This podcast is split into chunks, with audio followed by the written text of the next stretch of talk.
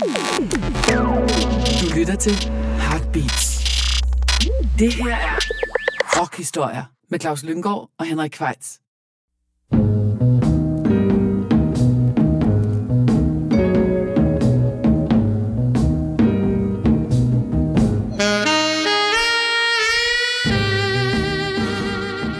Så er det, er det sørme blevet tid til endnu en gang rockhistorie, og det er som altid Claus Lynggaard og Henrik Kvejts, der betjener mikrofonerne og spillelisten.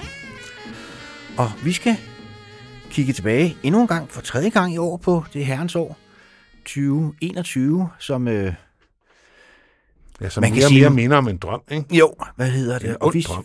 og det, det er også et af de faste indslag i rockhistorie, hvor vi ligesom øh, lægger en græns for dem, vi sagde farvel til i 2021. Og det øh, efterhånden som populærmusikken, rockhistorien, hvad fanden vi skal kalde den, bliver ældre og ældre, så er der jo flere og flere af dem, der falder. Ja, det må man sige. Og øh, i år er det jo sådan lidt... Øh, der er jo ikke faldet nogen af giganterne, som vi har oplevet de andre år på den måde, hvor at man, sådan man kunne mærke, at skoven rystede, da træet faldt. Men ikke desto mindre, så er der rigtig mange store kunstnere, der har takket af og sagt øh, farvel og tobak, eller hvad man nu siger, på vejen ud. Og det er dem, vi kigger på, og så spiller vi enten nummer med dem, eller noget, de har haft fingrene i, fordi vi har også producer og folk, som måske er mere kendt som studiemusikere og så videre med. Jo, og som altid i rockhistorie, eller i hvert fald som ofte i rockhistorie, så kommer vi også rent genremæssigt ret vidt omkring, Claus. Og det er noget af det, jeg godt kan lide ved rockhistorie selv, ja. fordi jeg kan rigtig godt lide mange forskellige genrer. Og så synes jeg da også, vi skylder øh, lytterne at sige, at Henrik har jo rejst sig efter at have haft corona. Så Ja. ja. nu mangler vi kun mig, Henrik.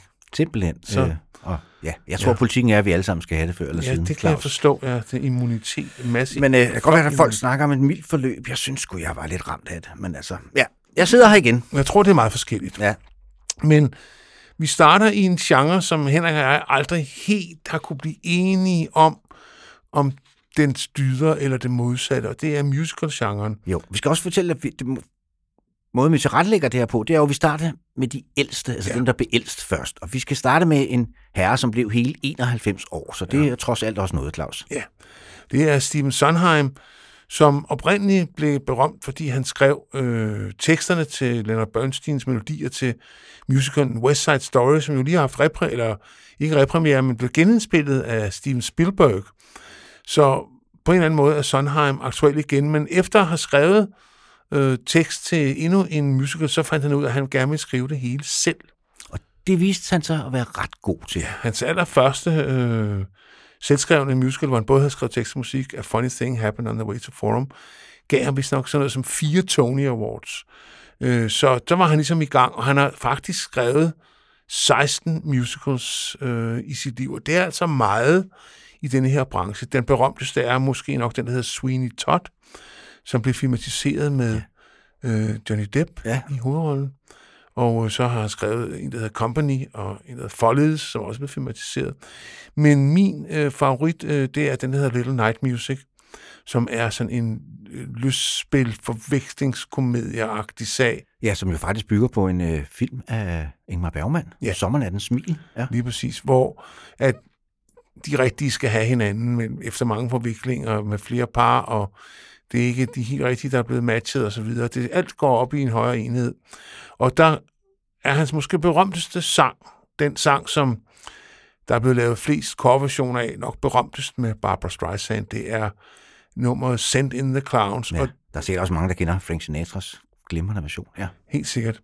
Øh, og det hører med til historien, at Sondheim jo var en stor fornyer af musicalen, så meget af, mange af hans sange er ikke så let tilgængelige. Det er ikke ørehængere, han excellerer i. Faktisk er mange af hans sange rimelig komplicerede. Øh, men her er den altså til at synge og fløjte af Gud og værd, derfor har jeg valgt den.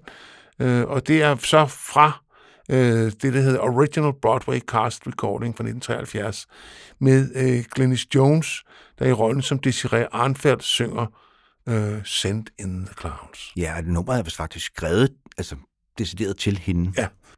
Og det er jo, en, en, det er jo faktisk en rigtig sørgelig sang, Claus. Fordi det. det. er jo en...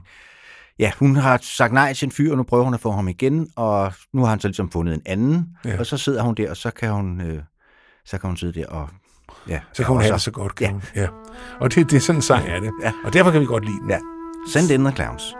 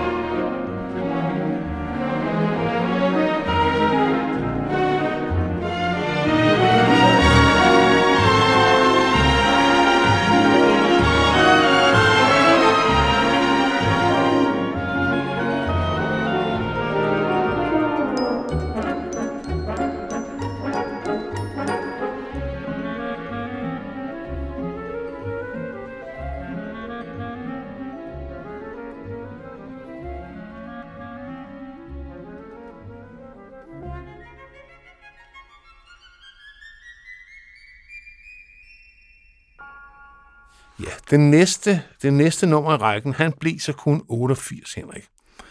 Det er Lloyd Price, som jo kommer fra New Orleans, og det vil man også tydeligt kunne høre, når man hører det nummer, vi har valgt. Det er øh, klokkeklar New Orleans Groove, og han stod igennem allerede i 1952, Ja, med nummeret Lordy Miss Claudy. ja, som jo er en rockklassiker. Ja, som senere blev, skal vi sige, nærmest 20 stjålet af Little Richard. Ja. Ja, han er faktisk the original Little Richard på en eller anden måde, Ja. Lloyd Price. Der skete jo ligesom det, han øh, havde hit med den her 1952, så blev han indkaldt til hæren og var i Korea. Og da han ligesom så kom tilbage, så havde Little Richard ligesom stjålet hans, hans trone. Og for at det ikke skulle være løgn, så hans gamle chauffør, Larry Williams, var også begyndt at indspille, også for hans eget plade, for hans samme pladselskab Specialty Records, det har med Boney Maroney og øh, Short Fat Fanny. Øh, en af John Lennons jo et øh, yndlingssanger, og han lavede jo en fin version af Larry Williams, Dizzy Miss Lizzy og Bad Boys, og han blev faktisk rimelig coveret af The Beatles. Men Lloyd Price fik så et comeback, han lavede sit eget pladselskab, øh, KRC Records, øh, og øh, så tog han en gammel øh, folkevise, en gammel murder ballad op, Stagger Lee, Ja, som, som, som, ja, man kan føre den helt tilbage til 1911, tror jeg, den ligesom blev, blev copyrightet, øh, og 23 kom den første bladindspilning, og den har så været indspillet hav gange. Der er sikkert mange rockhistorielytter, der kender den med for eksempel Bob Dylan, eller ikke mindst Nick Cave, som også laver en ret fed version. Altså, virkelig, ja. virkelig. altså han, han gør den endnu mere voldelig, end den er i forvejen. Øh, og det er jo også med til historien, at når han optrådte med den i fjernsynet Lloyd Price, så blev han bedt om at nedtone det voldelige aspekt i den, hvordan han så end har gjort det. Men ikke som mindre er det jo altså en murder ballad. Nogen skal dø i den her sang. Ja. Og det gør. Gør de, og det var også, altså det er nok den mest populære version af sangen, der findes. Ja. Stagger Lee, øh, som oprindeligt blev indspillet, som sagt, af Lloyd Price i 1958. The night was clear and the moon was yellow and the leaves came tumbling down.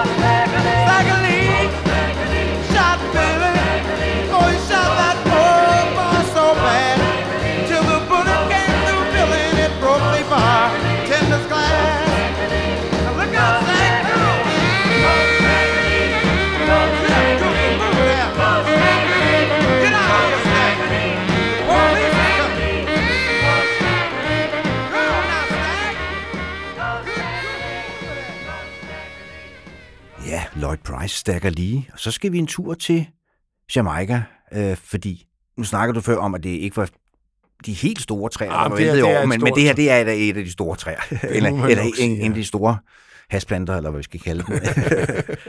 det er nemlig selvfølgelig Lee Scratch Perry, der blev 85 år. Ja.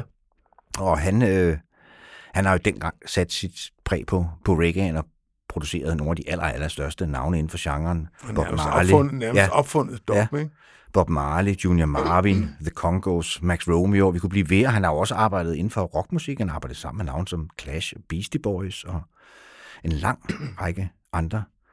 Øh, og havde jo i sin tid sit eget legendariske studie, Black Ark, som øh, brændte ned på et tidspunkt, og han 1969. påstår selv, at han selv satte ild til det, om det har noget på sig eller ej. Det er vist stadigvæk op til diskussion, men, ja. øh, men øh, man kan jo ikke rigtig sige, at han havde sådan en signaturlyd, fordi det er ret forskellige mange af de ting, han har lavet.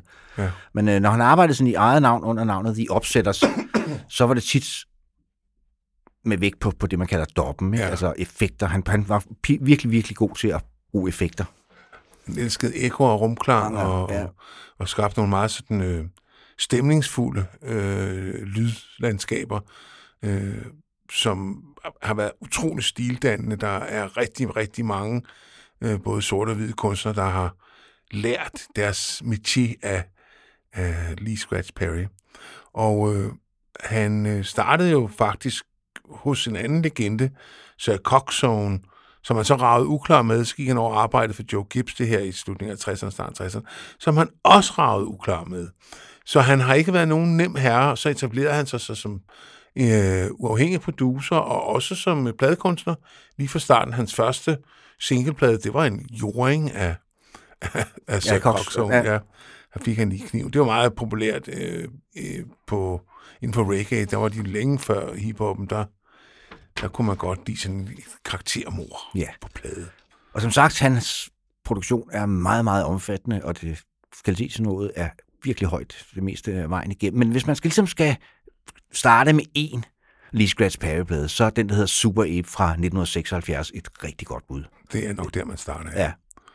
Og der har vi valgt et nummer, hvor han har, han har en toaster med, der hedder Prince Jasper. Et nummer, der hedder Croaking Lizard, som øh, også kom ud som B-side på en single, men som, ja, så det er sgu svært at vælge et nummer for den plade, Henrik. Ja, for det er bare en, en, en super fed lytteoplevelse. Ja.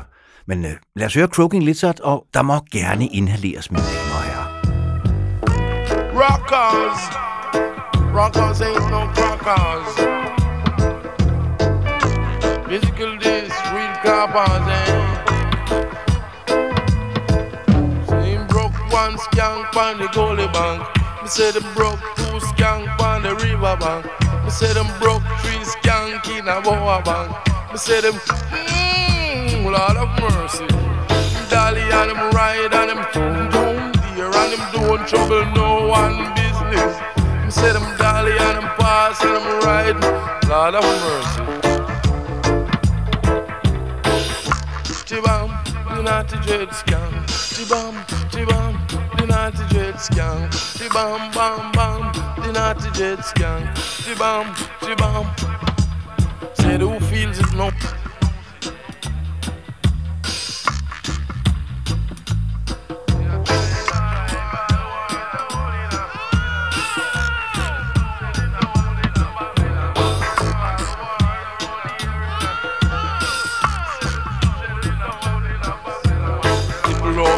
Lord of mercy, said I'm man, it's sickle out, yeah, yeah. Me said it's sickle out, yeah. Tribal war, it's sickle out, yeah.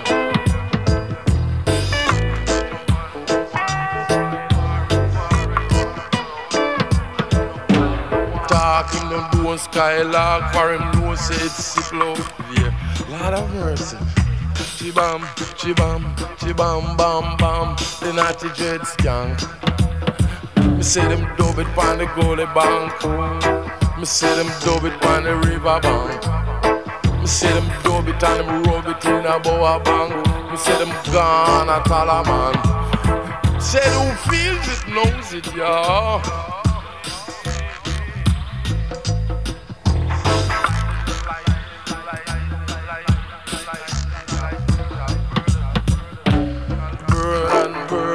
Burn and they will never earn out it. Yeah. Chibam, chibam. Move, yeah. Goodness gracious. Chibam, chibam, chibam, bam, bam, and the naughty dread scam. Chibam, chibam, chibam, chibam, chibam, bam, bam, and the bam, one, the dread bam, the two, the naughty dread on. The bam bam three on the naughty dread on. The bam on the goalie bank. Me say she bob it on the river bank. Me say she bob it on the goalie bank. Me say she bob it in a boa bank. And the and the naughty dread. No ballad cannot sat up on the naughty dread bandwagon outside. Do not sat up on the naughty dread bandwagon. Not at all outside. Chibam, chibam, chibam, bam, bam. Ja, vi har jo på et tidspunkt haft en, øh, et helt program, der hed Storytelling, øh, en, eller en helt podcast, hvor vi snakkede om at fortælle historier i, i sang. sangen. Men vi havde faktisk ikke The Storyteller himself med. Nej, Tom T. Hall. egentlig Ja. Tom T. Hall. Hvorfor han lige røg igennem der, skal jeg ikke kunne sige, fordi Nej. jeg har faktisk flere af hans plader stående. Men han er sådan en mand, der foretrækker, øh, han som ikke bruger sine sange så meget til at, at, at, at ømme sig over kærlighed, eller synge om, øh, hvor han har i maven. Han kan godt lide at fortælle om skæbner, øh, og det har han faktisk været rigtig god til. Hans berømteste sang er så skrevet til, vi sunger af kvinder, den der Harper Valley PTA, Ja. som var et kæmpe hit for Gene C. Riley. Øh, jeg kan faktisk, tror faktisk, den lå på den danske top 20-liste, fordi jeg kan huske den singleplade fra jeg var dreng. Men han havde rigtig mange hits selv, øh, faktisk. Øh, og var nok stor, større i Amerika, end han var i Danmark. Men hvis man interesserer sig for... Sagt, men, men han er i i Danmark sådan et, et fejnsmækkernavn, Ja, ja, ikke? Der er er mange, øh, der Det betyder også, at hans plader er dejligt billige, når man finder dem. Ja. Og han blev faktisk, ligesom Lee Scratch Perry, 85 år. Ja. Og efter sigende, så skød han sig selv. Det er rigtigt. Han, ja. Altså, han har nok ikke, øh, det har nok ikke været fedt. Nej. Han har ikke haft det fedt. Altså, der kommer sikkert et tidspunkt, hvor man siger, at nu er det nok, ikke? Øh, og vi har valgt et, øh, en nummer, som han har skrevet til en, en hyldest til en lokal karakter, der hvor han voksede op i uh, Kentucky, som var ham, der lærte ham at spille guitar, en fyr, der hed Clayton Delaney. Og den hedder The Year That Clayton Delaney Died, hvor han ligesom undrer sig over, at han ikke nåede videre, end han gjorde, fordi han var dygtig. Og hans far siger så, at det var, fordi han drak som et hul i jorden. Og øh, det kan man jo så tage til efterretning, at hvis du vil i verden frem, så drik moderat. min dreng. Ja. Men, den er øh, fra den plade, der hedder In Search of a Song, kom også ud som syvtommer single Ja, i var et året. stort hit i Amerika. året 1971.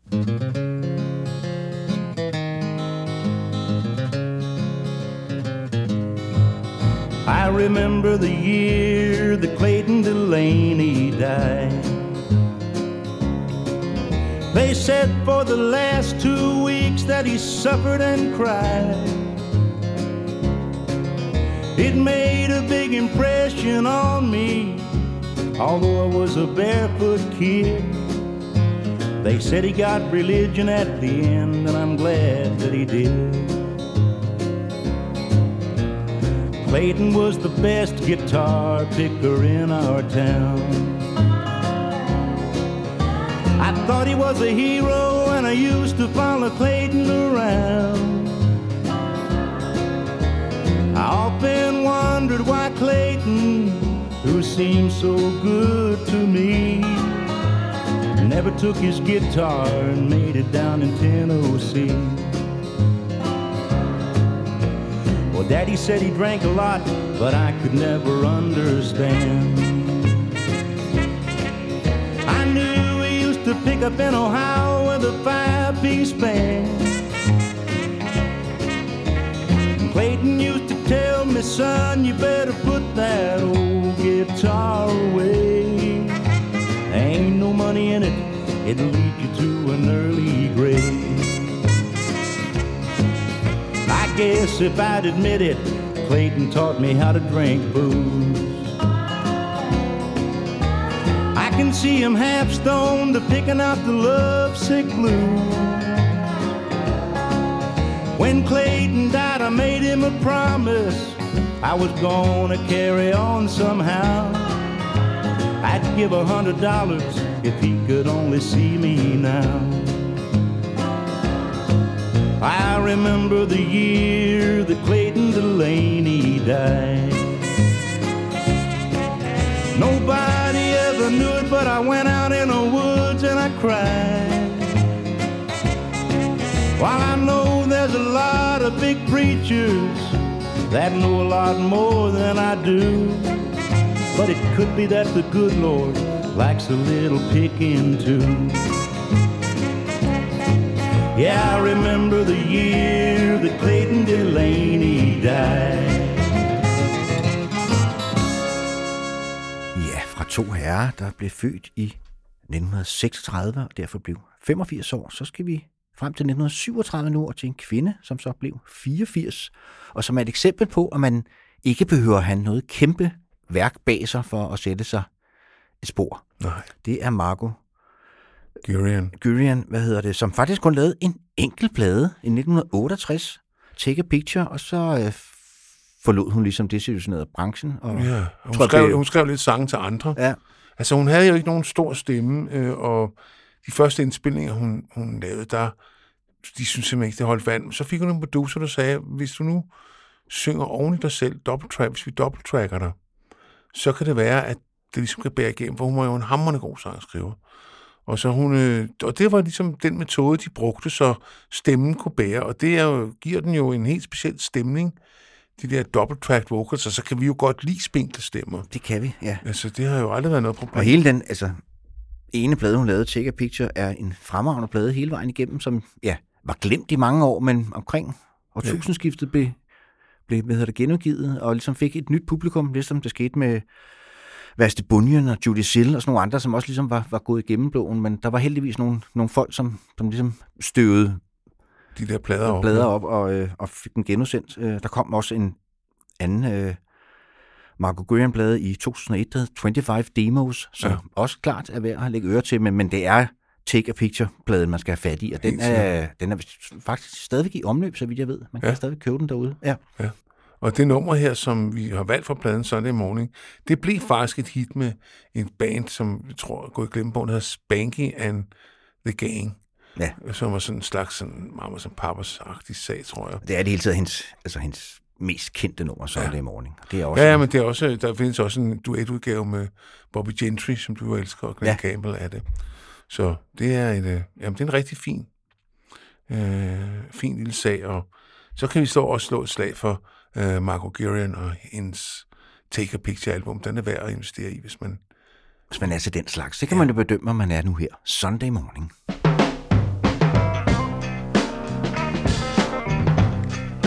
Sunday morning, sunshine from your eyes, sleepy face smiling into mine. Sunday morning, lots of time with nothing to do, lots of time to spend with you.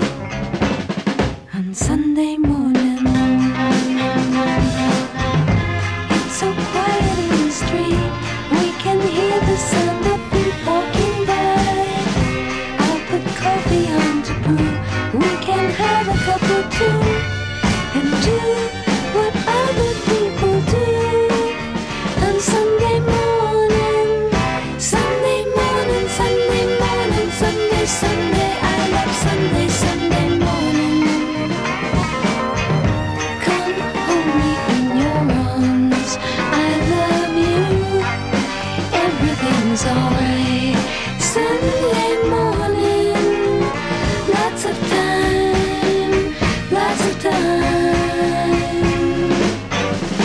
Sunday morning.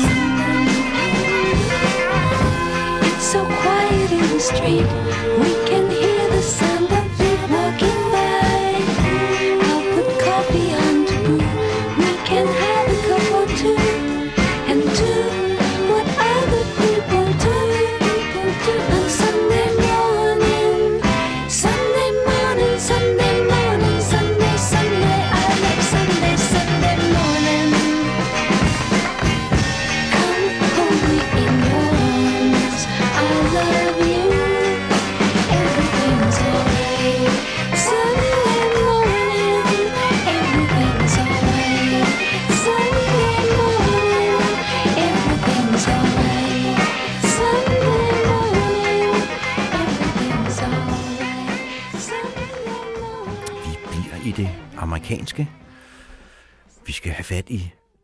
Beverly, der i det der i 2001 fulgte efter sin lillebror Phil Everly, som døde i 2014. Ja, og nu kommer jeg for skade at sige, at der ikke var så mange store træer, men det må jeg nok sige så være en af rockens arkitekter, der her faldt, øh, og hvad angår harmonisang, en af dem, som John og Paul, og det er fra det lille band The Beatles, lærte rigtig meget meget, af. ja, og Simon og Garfunkel har også hørt en Everly De Brothers startede plade jo som simpelthen Ja, Everly kopier, Brothers kopier, ja, ja, ja. som Tom og Jerry. Men øh, selvom øh, rigtig mange af deres hits blev skrevet af parret Felice af Bolo, Bulow Bryant, Bye Bye Love og dem alle sammen, så skrev Don faktisk også en, en pæn øh, stak af, af parrets øh, sange. Hans første hit var Till I Kissed You. Men hans berømteste komposition er jo nok Cathy's Clown, øh, som blev et hit efter de gik fra, øh, hvad hedder det, Cadence Records, Cadence Records over ja. til Warner Brothers. Det, det er faktisk deres 1960. første single fra Warner Brothers. Ja, øh, et af deres allerstørste hits. Også et sted, hvor man virkelig kan høre, øh, hvordan øh, deres harmonier er bygget op, øh, brødrenes harmonier. Han synger så øh, overgangene solo, men øh, verset er en ret sådan, øh, suveræn opvisning i close harmony. Ja, og de havde jo også et rimelig turbulent forhold, de Ja, der to brødre. brødre men, jo øh, har, ja. ja. men nu har de i hvert fald fået fred.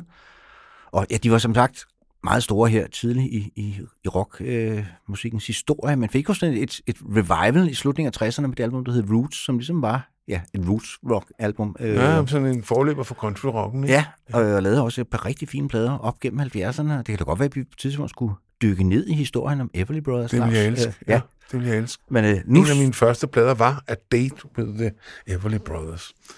Så, ja. ja, og det er faktisk øh, fra den plade, som det nummer, Nemlig. jeg valgte starter. Ja, det er øh, fra start fra Cathy's Clown, der ja. også var et stort single hit i det herrens år 1960.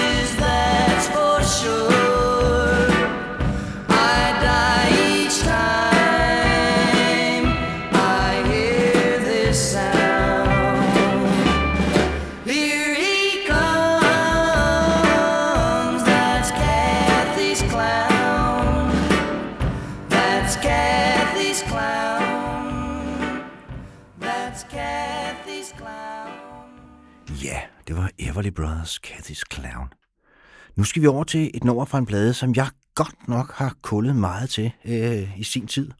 Bladet, der stammer fra 1980, kom med titlen Fourth World Volume 1, Possible Musics.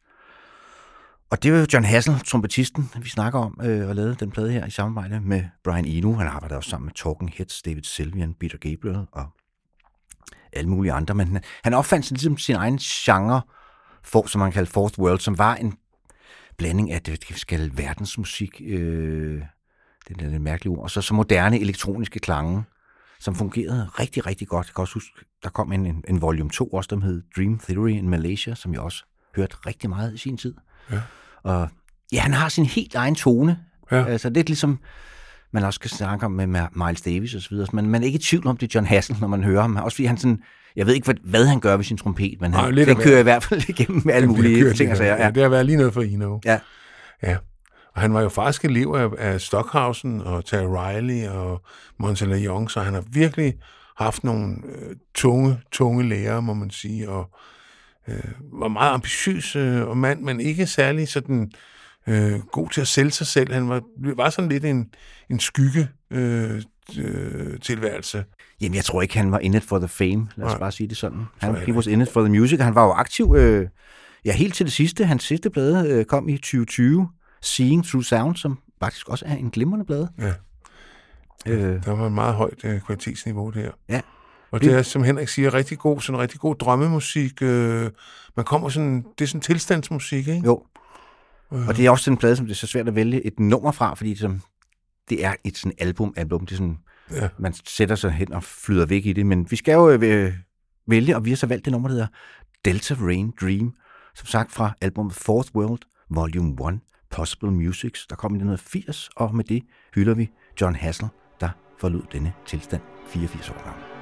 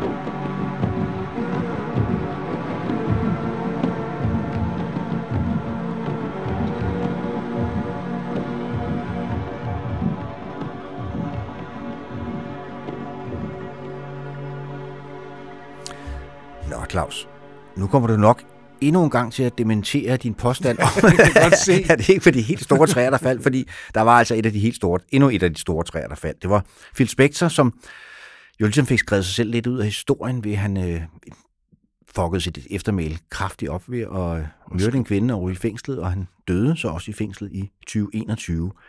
Men det skal ikke tage fra ham, at han har stået bag en stribe helt fantastiske rockklassikere. Og vi har jo faktisk lavet en helt udsendelse om, om hvis man har lyst til at dykke ned i værket, så ligger der en rockhistorie, der udelukkende handler om Fører Spekser, og hans store tid falder uværligt i første halvdel af 60'erne, hvor han skaber sin berømte Wall of Sound med bands som The Ronettes og The Crystals, og Darlene Love og Bobby B. Socks and The Blue Jeans, og især måske The Righteous Brothers. Ja, hvad hedder det? Og så kom punken frem, og der er måske ikke så umiddelbart så meget connection mellem Phil Spectors Wall of Sound og så øh, punkens nedbarberede lyd. Men der var så alligevel et link, fordi man kunne altså godt høre, at Ramones, de havde hørt en Phil Spector-plade eller to, Claus. Ja. Og, øh, så det gav måske meget god mening, at Phil Spector ligesom hookede op med Ramones på deres femte album, End of the Century, ja. som er sådan et album, der deler vandene lidt i, i Ramones-kredse, fordi han, han, Han gør jo noget ved deres lyd. Ja. Altså, han, den får jo altså lidt mere pondus. Han var til det storladende. Det er ikke uden, uden grund, han blevet kaldt popmusikens Wagner. Han kunne godt lide, det var sådan opulent og lød af noget. Og ikke nok med det, han fik mig også til at genspille et af sine egne største hits med, øh, i sin tid med The Ronettes Baby, I Love You, som også var det, der blev udsendt som single. Og det Ja, har vi ligesom det var så valgt, ikke- fordi ja, det, det binder ikke- jo de to ting sammen. Ja, og det var så ikke engang dem, han fik til at øh, genspille. Det er faktisk kun Joey Ramone, der medvirker på nummeret, fordi de andre nægtede simpelthen at medvirke. De synes det var... Det ville de ikke være med til, og de havde det der strygearrangement, som var på den, og så videre. Og det er vist også... I øvrigt, der går mange rygter om Phil Spector, vi korporterer gerne nogle af dem videre. Det var vist, der går mange rygter med, at han havde pistoler med i studiet, men det var vist den her indspilning, hvor han faktisk trak pistolen Okay. for, for, For, for, for få dem at ja, at han mente. Ja. Ja, det plejer også, det er også en meget god måde at vinde skænderi på, ikke? Jo. At lægge et skarpladt våben på bordet. Så kan vi så, så, så, hvad siger man lige til det, ikke? Hov, hov, du der, ikke? Så ja, men han, ja, han indspillede også Cohen, der går jo også øh, en lavet en plade med Cohen nogle år før, som er også sådan en, der deler vandene med Cohen-fans, enten elsker man eller hader den. Death of a Ladies Man, jeg har hørt til dem, der elsker den. Ja.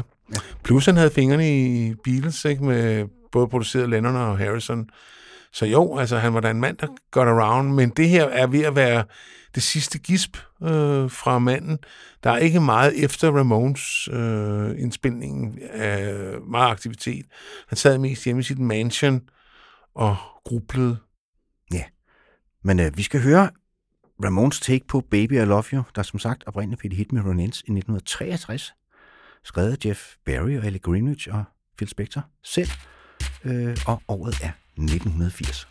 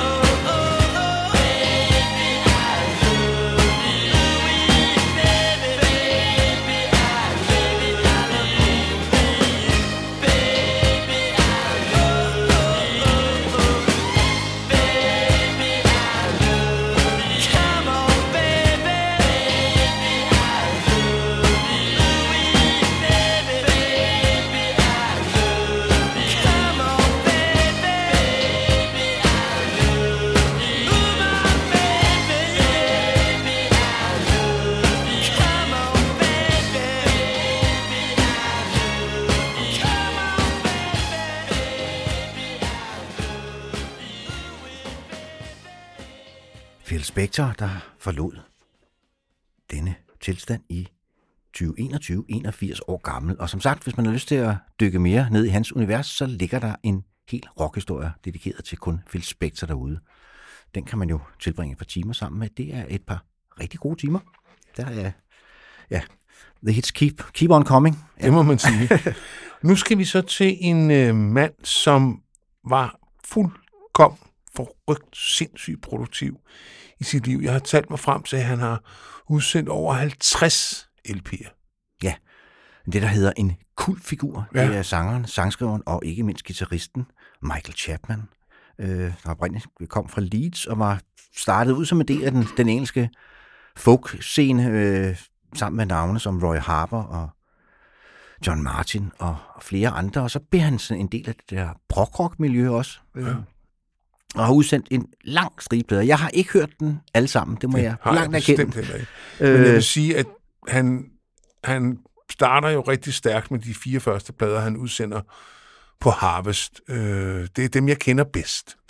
Det er også dem, jeg kender bedst. Plus, altså, af en eller anden grund, så faldt jeg over den plade, der hed 50, som kom i 2017, som nok er hans plade 50, num- nummer 50, gud, var det, oh, ja, den hedder ja. 50, øh, som faktisk også er en rigtig, rigtig god plade. Og der er sikkert også mange andre gode Ja, plader. jeg har en, der hedder The Man Who Hated Mornings. Den er nu altså heller ikke dårlig. Nej, altså det kan den jo ikke være med den titel. Nej, men han, han debuterer med en plade, der hedder Rainmaker, hvor han ligesom demonstrerer, hvor god en guitarist han er. Men den sælger ikke ret godt, så tænker han, så giver jeg den lige en rockdrejning på efterfølgende Fully Qualified Survivor. Og det betyder bizart nok, at den lead-guitarist, vi hører, det er Mick Ronson, som faktisk kommer lige før han kommer med i David Bowies Spiders from Mars Orkester. Øh, den, øh, Pladen er også produceret af Gus Dodgeon, som også producerede Space Odyssey. Ja, og sådan hænger det hele sammen ja. Rockhistorien. Ikke?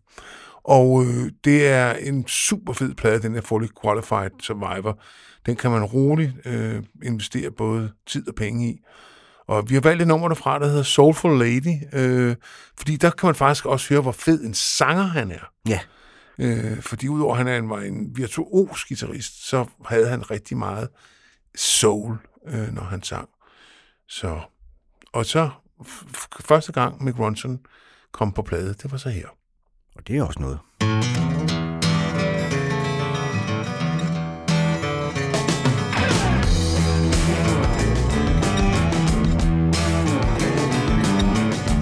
Never get round to sending letters. Never send no telegram. Cause I don't want nobody to know exactly where I am. And if I ever got the money, I would wander all the time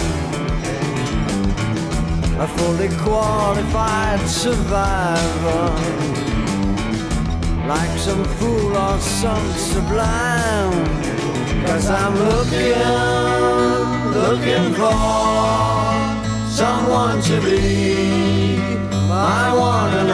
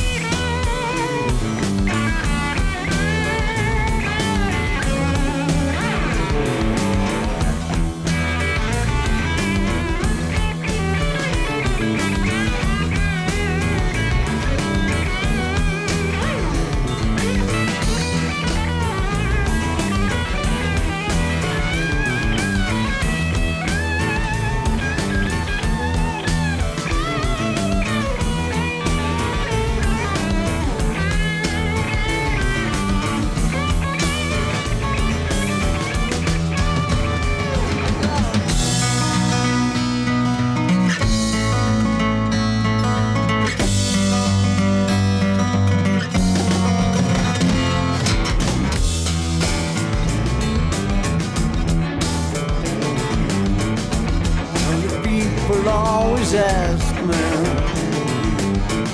just what it is that I do mean. Whether I can do the things I say, or is it something I've just seen? They say to me you must be lonely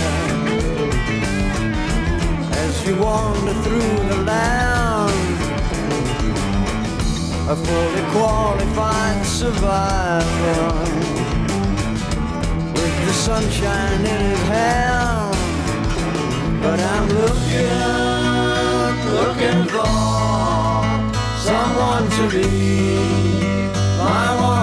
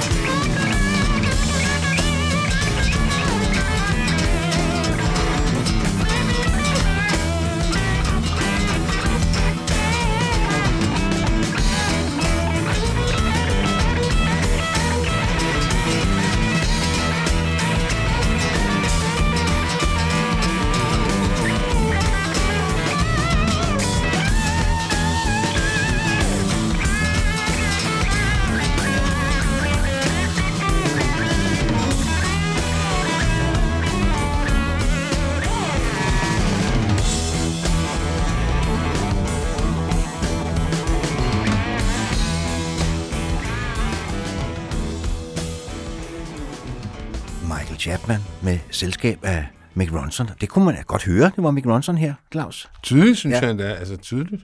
Men øh, denne Michael Chapman er bestemt værd at dykke ned i, hvis man ikke øh, kender ham i forvejen. Ja, Og, det er, og der er, som vi var inde på, noget af et værk at tage hul på. Ja, men Fully Qualified Survivor, som kom i 1970, er et godt sted at starte. Det synes jeg. Og blandt andet, fordi det var det, jeg selv startede. ja. Hvad hedder det?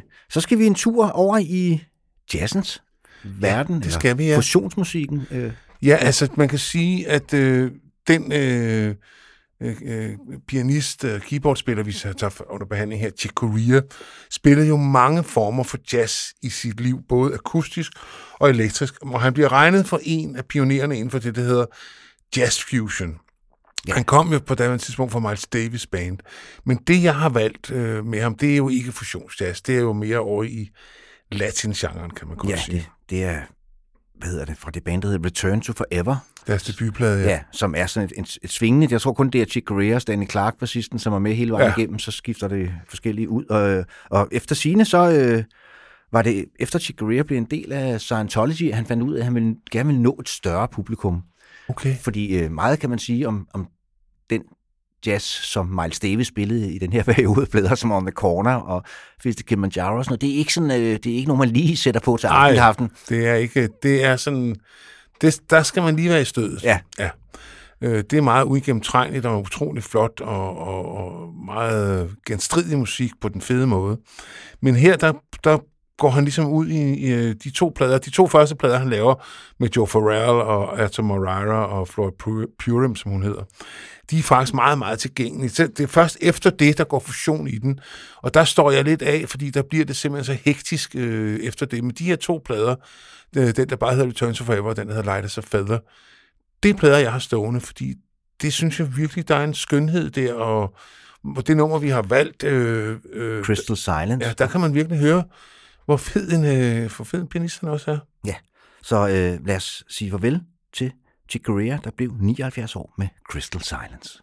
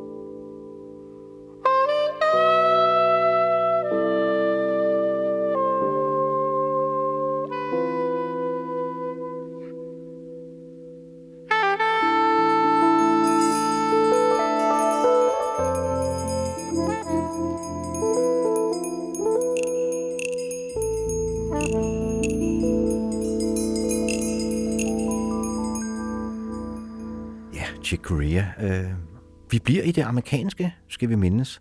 Michael Nesmith, som var en del af et af de første boybands i verden, øh, The Monkeys. Det var ham med tophuen, hvis nogen har set ja. de her gamle Monkeys næsten, han smilede stort set aldrig. Nej. Det var ligesom hans, hans del af showet. Og jeg vil sige, at det i for Open Forum, jeg synes jo, Monkeys har lavet rigtig meget musik, der holder.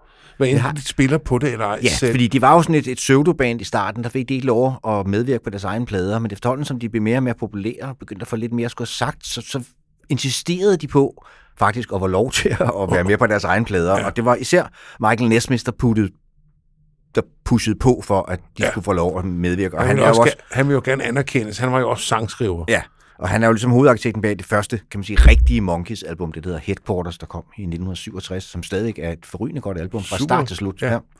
Øh, og de var jo heldige, de, de fik rigtig mange gode sange øh, tilbudt, og valgte også de bedste. Men her har vi valgt et af hans numre.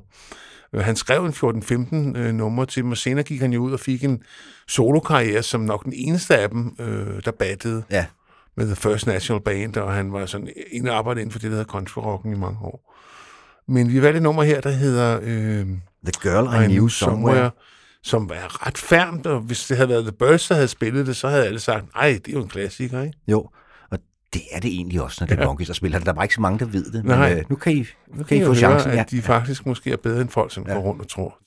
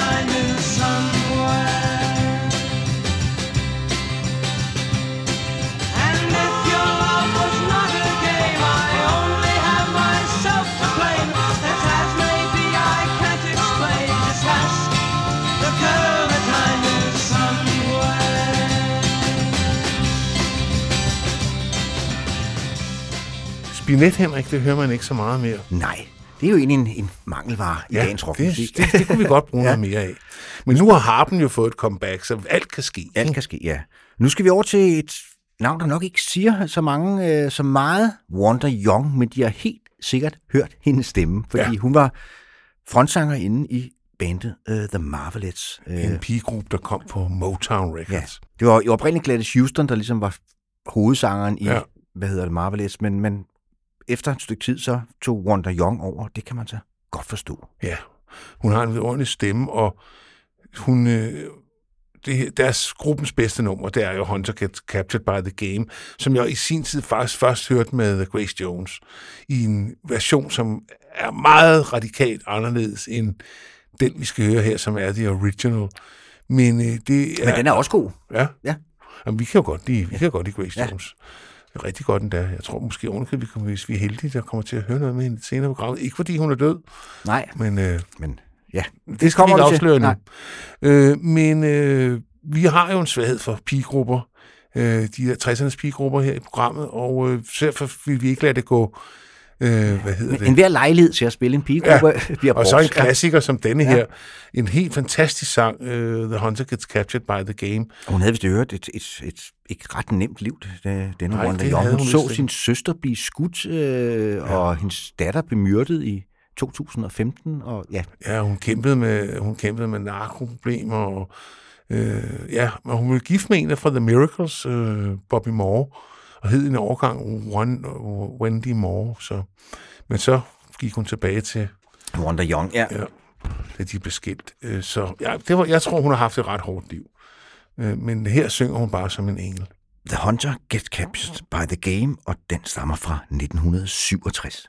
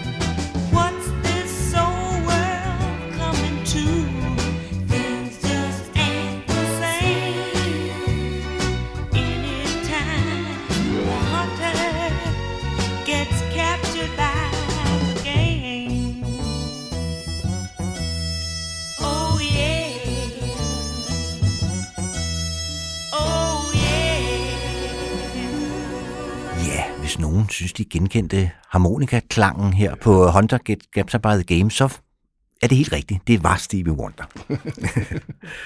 nu skal vi en tur øh, til Jamaica igen for anden, men ikke sidste gang i det her program. Vi skal høre en fyr, der hedder Neville O'Reilly Livingston. Måske bedre kendt under kunstnernavnet Bonnie Whaler. Han ja. var jo oprindeligt en af de oprindelige Whalers sammen med Bob Marley og Peter Tosh, inden de tre egoer ragede uklar og ja, søsatte hver deres Solokarriere. solokarriere, og de var ret vellykkede alle tre, kan man godt sige. Ja. Og øh, ja, Bonnie Whalers hovedværk, det er jo nok Black Heart Man fra 1976.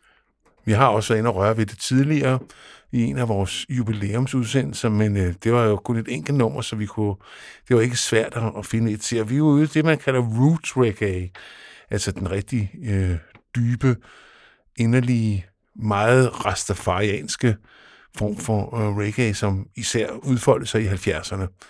Og der må man sige, at, øh, at det er, det er Black Heart Man jo et hovedværk. Det må man sige, og vi har valgt nummeret Fighting Against Conviction, som jo tager, hvad hedder det, udgangspunkt i, at Bonnie Wailer i 1900 67. 67 selv sad 14 måneder i spillet for besiddelse af marihuana. Så skulle halvdelen af jamaikanske mandlige befolkning ja. sidde i fængsel, hvis det med den på. Men det er rigtigt, det gjorde han, og det er hans sang om det samme. Øh, så lad os høre, hvordan han omsatte det til musik. Musik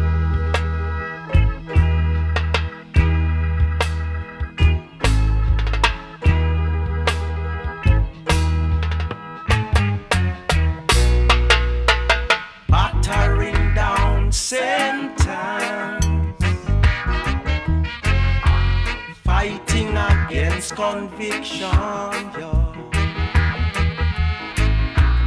Battering down sentence, fighting against conviction. I find myself growing in an environment where finding food is just as hard as paying the rent. In trodding these roads of trial and tribulation, I've seen where some have died in desperation to keep battering down Satan. Fighting against conviction. mountain.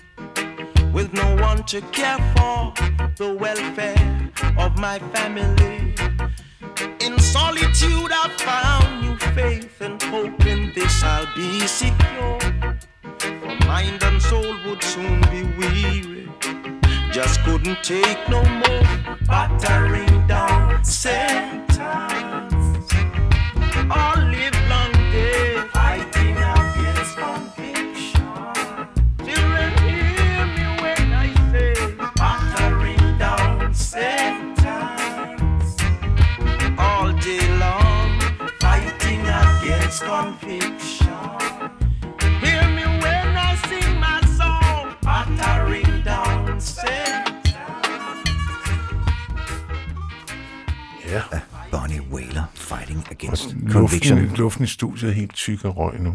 Ja. Hvad hedder det? Og jeg ved ikke rigtigt, hvornår man sætter skillelinjen for, hvornår det er rimeligt, at man dør. Øh, hvor gammel man, man ligesom skal blive, for man kan sige, at man har haft et fuldt liv. Men nu bevæger vi os i hvert fald under 70-årsgrænsen, Ja, Claus. det gør For vi. nu begynder det at gøre nas, ikke? Jo, det gør det. Og den første er en, en sangerinde, som jeg faktisk har lyttet rigtig meget til, især øh, der i 90'erne, hvor jeg var meget optaget af det fænomen, der hed New Country.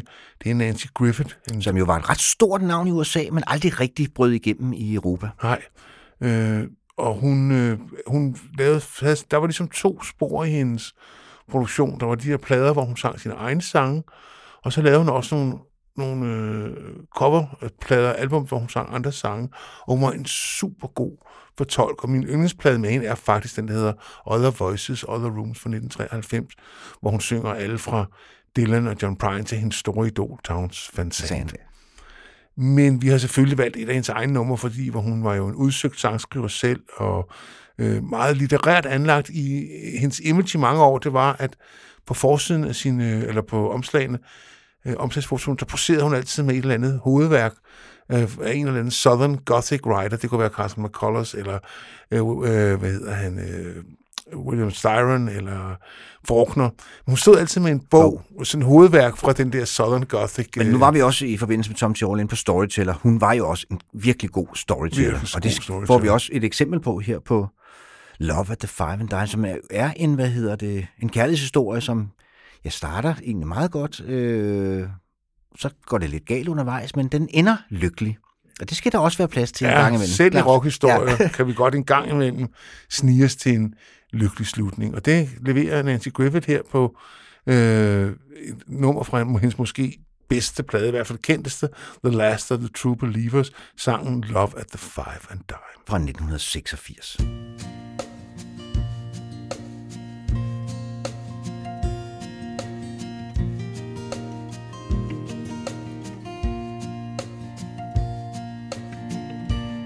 Rita was 16 years of hazel eyes and chestnut hair. She made the Woolworth counter shine. And Eddie was a sweet romancer and a darn good dancer. And they'd waltz the aisles of the five and dime. And they'd sing, dance a little closer to me. Dance a little closer. Dance a little closer tonight.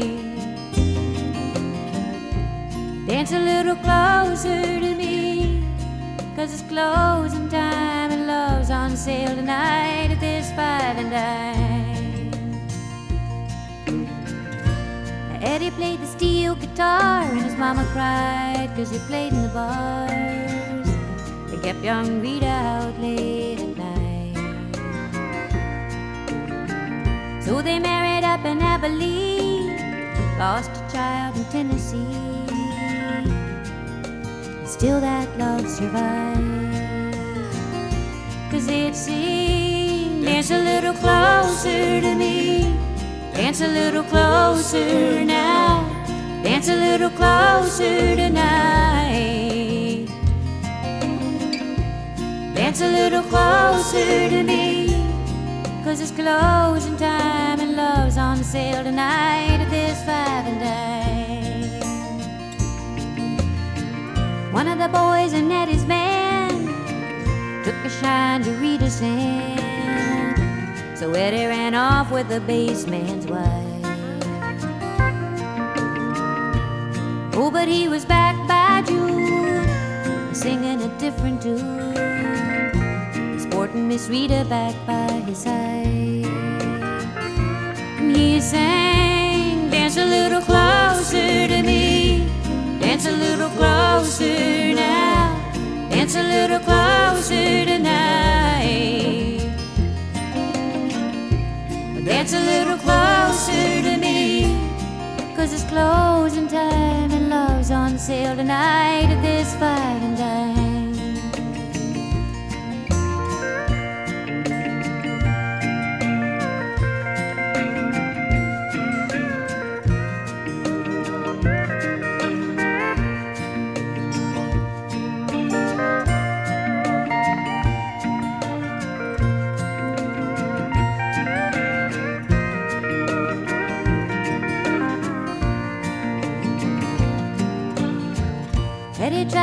The barroom bands till arthritis took his hands.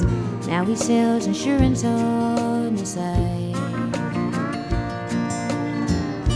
And Rita's got a house to keep, dime store, novels, and a love so sweet.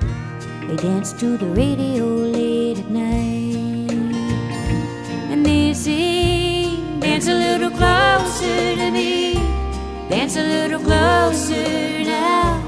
Dance a little closer tonight. But dance a little closer to me. Cause it's closing time and love's on sale tonight at this five and dime. Cause Rita was 16 years with hazel eyes and chestnut hair. She really made the Woolworth counter And Eddie was a sweet romancer and a darn good dancer. And they'd the aisles of the five and dime. And they'd the aisles of the five and dime. And they'd the aisles of the five and dime. Nancy Griffiths Love at the Five and Dime. Nu skal vi for tredje og sidste gang i denne ombæring en tur til Jamaica over til en fyr, som blev 68 år døde i forbindelse med en nyreoperation, eller komplikationer i forbindelse med en nyreoperation. Og det er selvfølgelig bassisten Robbie Shakespeare, som især er kendt for sit samarbejde med trommerslageren Sly Dunbar under navnet Robbie and Sly. Og Sly and Robbie. Ja, Sly and Robbie selvfølgelig, ja. Og spillet med Gud og hver mand. Også inden for, altså i reggae selvfølgelig, men også inden for rockmiljøet. De, Dylan har de jo bagget op, Ja. og selveste Saskia Spur har de også indspillet Helt sammen med. sikkert, ja. Og, og så øh, satte de deres store præg på de tre plader, øh, hvad hedder det, Grace Jones indspillet i Compass Pound Point-studierne i, på Bahamas. Ja, som jo ikke findes mere, som simpelthen blev opslugt af en tsunami. Ja. Øh, Så det var det. Det var jo øh, Chris Blackwells, øh, øh, stifteren af Island Records. Det var hans drømmestudie, han havde skabt der. Det skulle have været sådan helt paradisiske tilstande, når man kom til Compass Point og fik lov til at indspille der. Så var man i Bountyland. Ja. Altså, når man gik ud af studiet, så var man i Bountyland. Men øh, det er jo det med trupperne, altså man ved sgu aldrig, hvornår der er en storm, der slår til.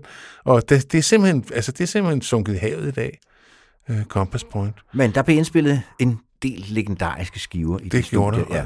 Og det er jo et perfekt sted til det der laid-back groove, som de mestrede som få, Sly and Robbie.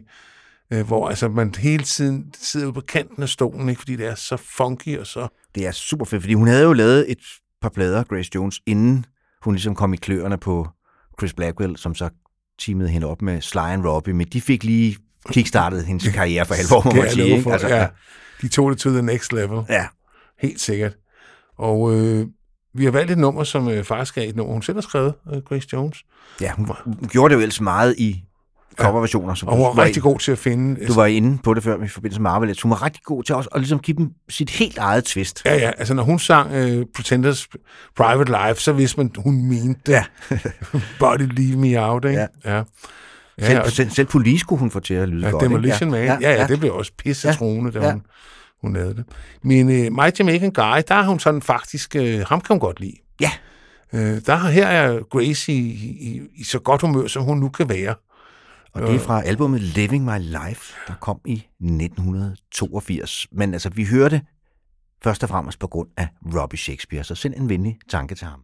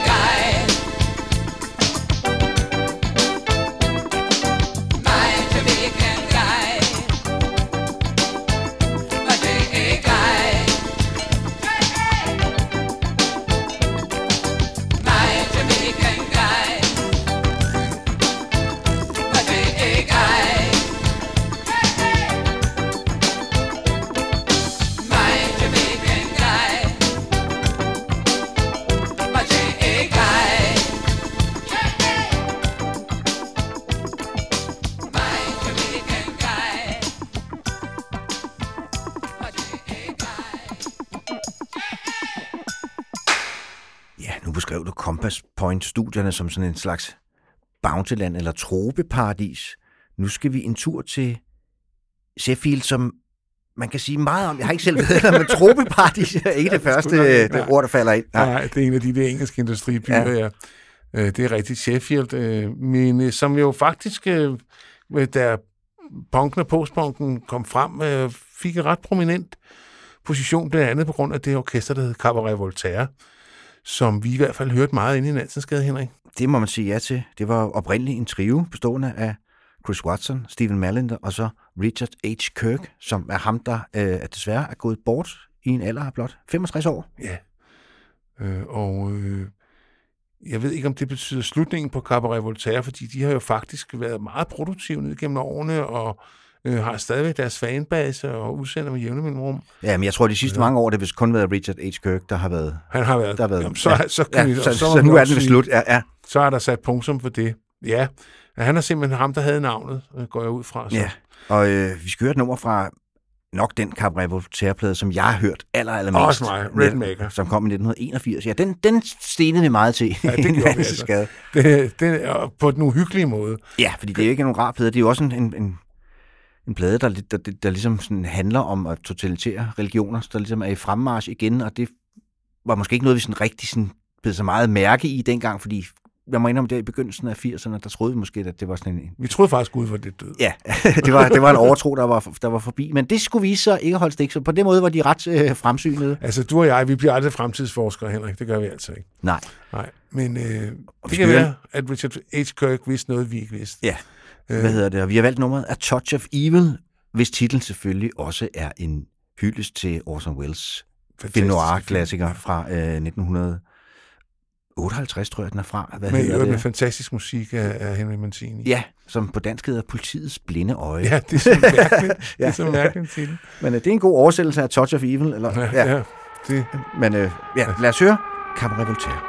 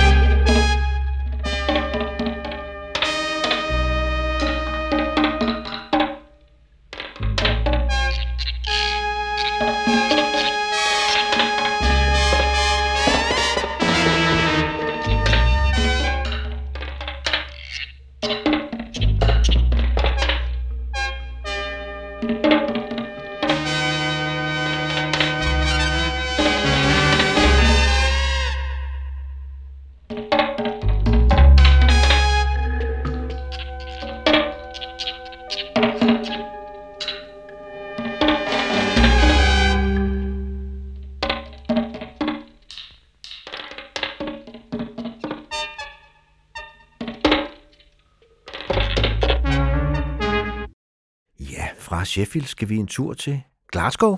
Ja, det skal vi, og til et, et navn, som jo, det er en genre, som jo dengang hed Technopop, som du jo ved, jeg har en kolossal svaghed Ja. for. Og selvom det her øh, ensemble, den her trio, ikke har været blandt mine favoritter, så har jeg altid rigtig godt kunne lide deres gennembrudshit.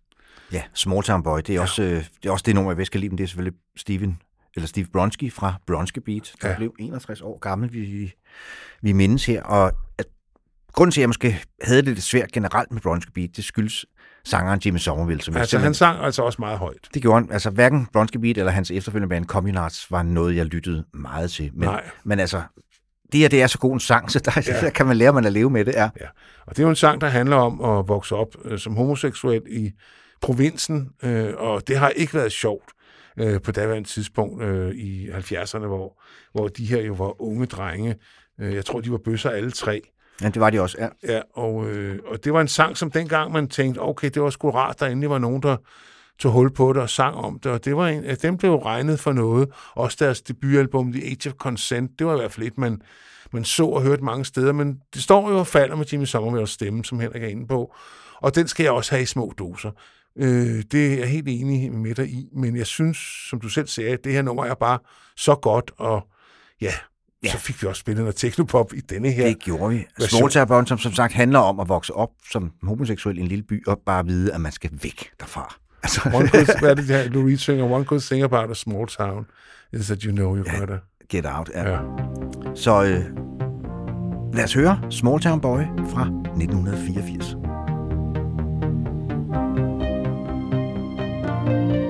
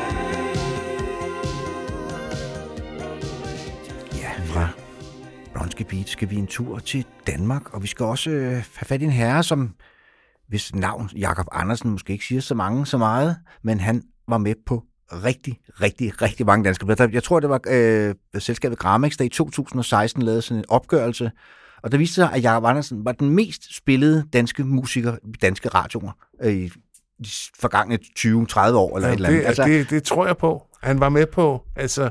Dansorkester, Sneakers, Sebastian, Michael Falk, Lars Huck, MC Ejner, og man kunne blive ved. Men han var også en del af, C.V. Jørgensens band. Og det skal vi skal ikke lægge skjul på, at ham kan vi jo godt lide. Og øh, et nummer, hvor man virkelig kan høre, hvad Jakob Andersen kunne, han var jo det, der hedder percussionist, altså slagtøjspiller. Han var ikke trommeslager. Vi plejer jo ellers at have en trommeslager med Henrik. Men Ja.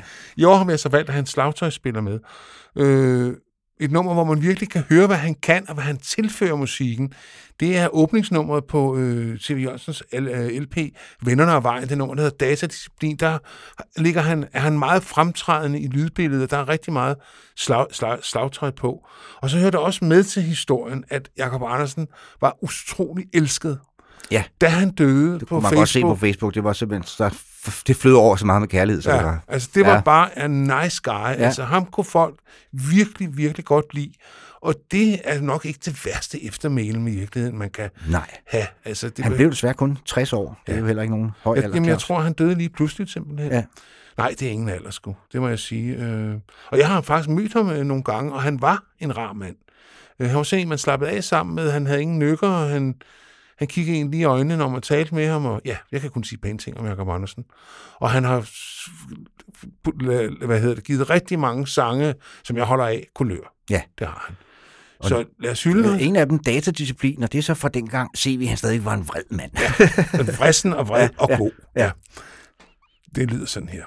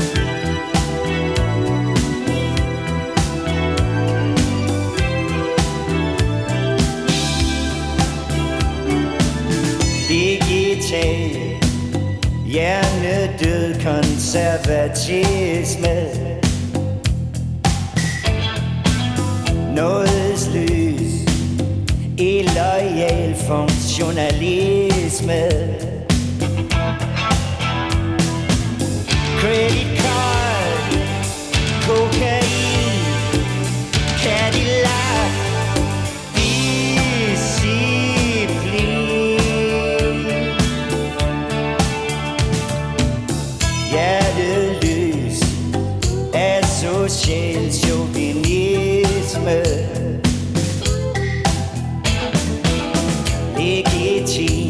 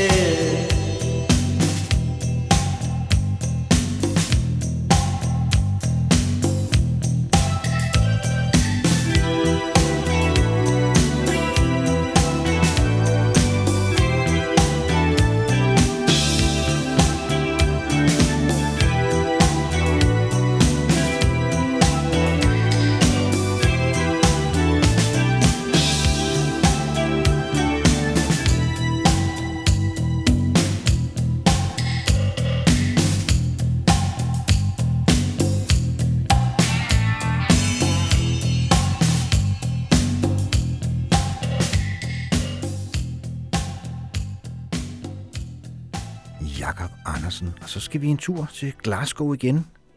Vi skal høre den transkønnede Sofie, som kun blev 34 år. Ja, hun faldt øh, på en bjergtur i Grækenland. Ja, hun faldt ned fra øh, faktisk et, et, hvad hedder det, et, et tag, fordi hun skulle fotografere fuldmånen. For øh, ja, øh, i Athen. Øh, så ja. Og det må indom, altså, jeg skal ikke gøre mig større, end jeg er. Jeg opdagede hende først, da hun døde. Ja. Altså, det var, da folk begyndte, så måtte jeg lige, hvad fanden var hun? Øh, og lyttede så faktisk til det album, der hed kryptiske titel Oil of Every Pearls On Insights, der kom i 2018. Så faktisk et glimrende album, Claus. Glimrende album. Øh, hun nåede jo kun at lave to. Hun lavede det der i 15, der hed Product, og så det her. Og så kom der en remix-udgave øh, udgave af den her Oil of Every Pearls on Insights. Øh, men hun producerede jo øh, en lang række kunstnere og øh, remixede, og var i det hele taget meget, meget aktiv. Hun blev så kun 34, så der kan man jo tale om at, at, at blive ramt, før man overhovedet rigtig var kommet i gang. Men øh, jeg kunne mærke på øh, den reaktion, der var på hendes død, igen ligesom Jacob Andersen, hun havde betydet rigtig meget for rigtig mange, øh, og øh, hun, var, hun havde en stor position inden for den elektroniske scene, som hun jo var en del af. Ja. Hendes far havde jo taget med til raves, da hun var lille, så hun har nærmest fået det ind med, med øh, modermælken, eller fadermælken. Eller Jeg har også produceret store navne som Charlie XCX og Vince Staples og flere andre, som, som, som har måske siger mm, flere noget end hende. Ja. Sofie, hun opererede måske lidt i kulisserne, men det kan også være et godt sted at operere Jeg fra. tror faktisk, at, at hun ville have fået, eller hun fik sit gennembrud med den der Oil of Every Ja. Pearls on Insights. Og vi har valgt et nummer med en, der hedder It's Okay to Cry, fordi det er det jo, det, det her program handler jo lidt om, at it is okay to cry. Ja.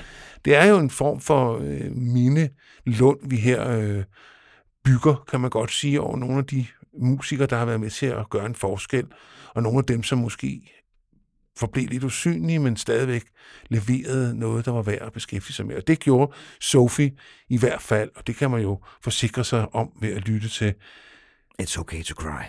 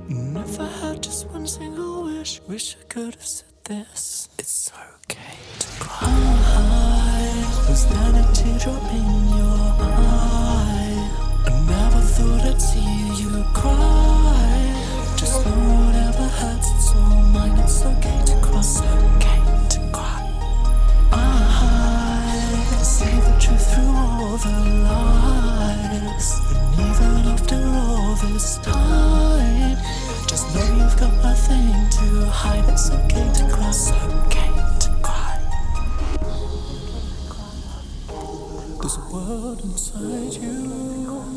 I wanna know what it feels like. I wanna go there with you. Could we walk a dark place? Maybe if we shine some light there,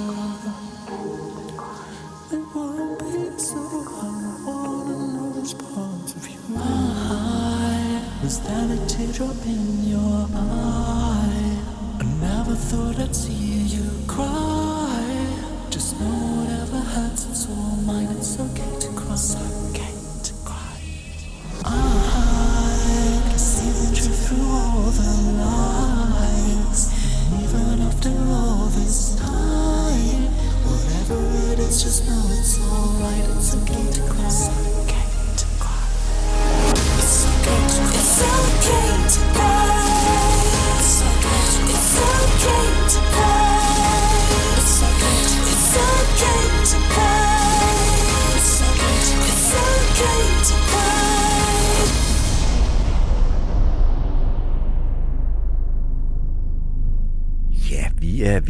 til vejs ende her i vores, hvad hedder det, mindeprogram for dem, som, som gik bort i 2021.